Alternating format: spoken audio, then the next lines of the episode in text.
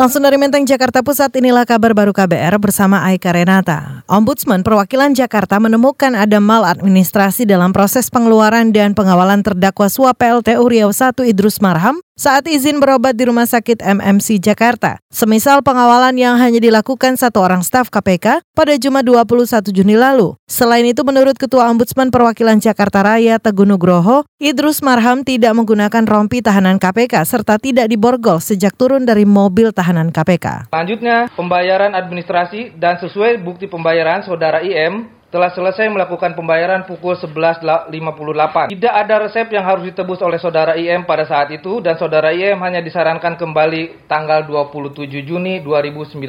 Teguh Nugroho menambahkan Idrus juga bertemu dengan keluarga serta beberapa orang yang diduga penasehat hukum, ajudan dan kerabatnya. Ombudsman juga menemukan kekeliruan prosedur operasional KPK yang tidak merinci waktu dan penggunaan rompi dan borgol ketika tahanan berobat. Selain itu, Ombudsman juga menemukan ada dugaan tindakan yang berimplikasi pada tindak pidana. Hal ini akan dibeberkan kepada pimpinan KPK pada pekan depan.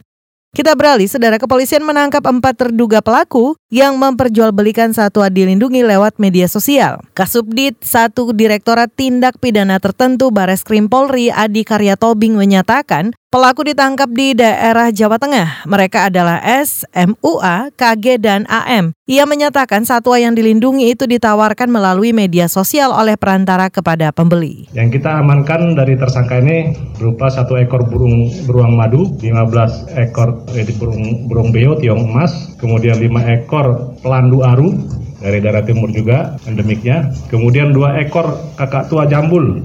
Adikarya menyatakan setelah pembelian disepakati maka pembeli akan mengirim uang kepada perantara. Namun transaksi akan dilakukan lewat rekening bersama. Rekening bersama ini dibuka oleh satu orang yang dipercaya atau broker. Menurutnya ini merupakan modus baru dalam penjualan satwa. Para pelaku dijerat undang-undang tentang konservasi sumber daya alam hayati dan ekosistem dengan ancaman 5 tahun penjara dan denda paling banyak 100 juta rupiah.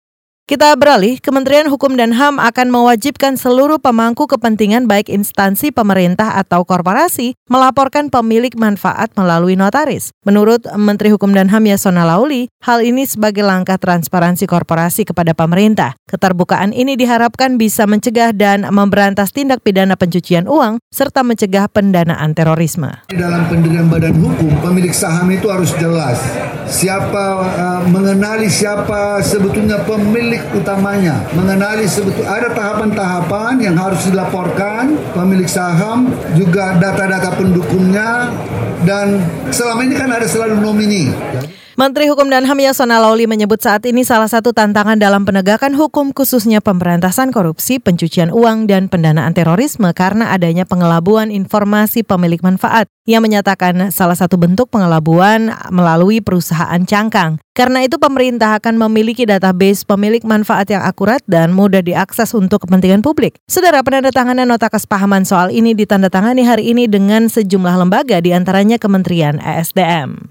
Kita ke satu informasi dari daerah, Saudara DPRD NTB akan menggelar rapat dengar pendapat RDP guna menyikapi kasus meninggalnya empat pekerja migran Indonesia asal Lombok yang meninggal pada 20 Juni lalu. Wakil Ketua Komisi Bidang Kesejahteraan DPRD NTB Kasdiono menyatakan RDP digelar untuk membentuk Satgas Pencegahan Tindak Pidana Perdagangan Orang TPPO serta rencana pembentukan pansus. Dari beberapa pihak bahwa kenapa DPR tidak mempergunakan haknya untuk untuk membentuk pansus uh, dalam rangka menyelesaikan kasus ini supaya menjadi pelajaran ke depan supaya tidak lagi ada kasus-kasus seperti ini.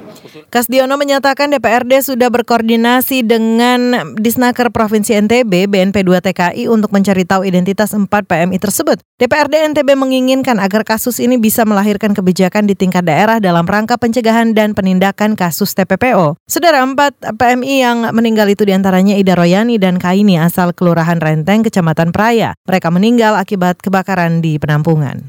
Demikian kabar baru dari kantor Berita Radio KBR, saya Aika Renata.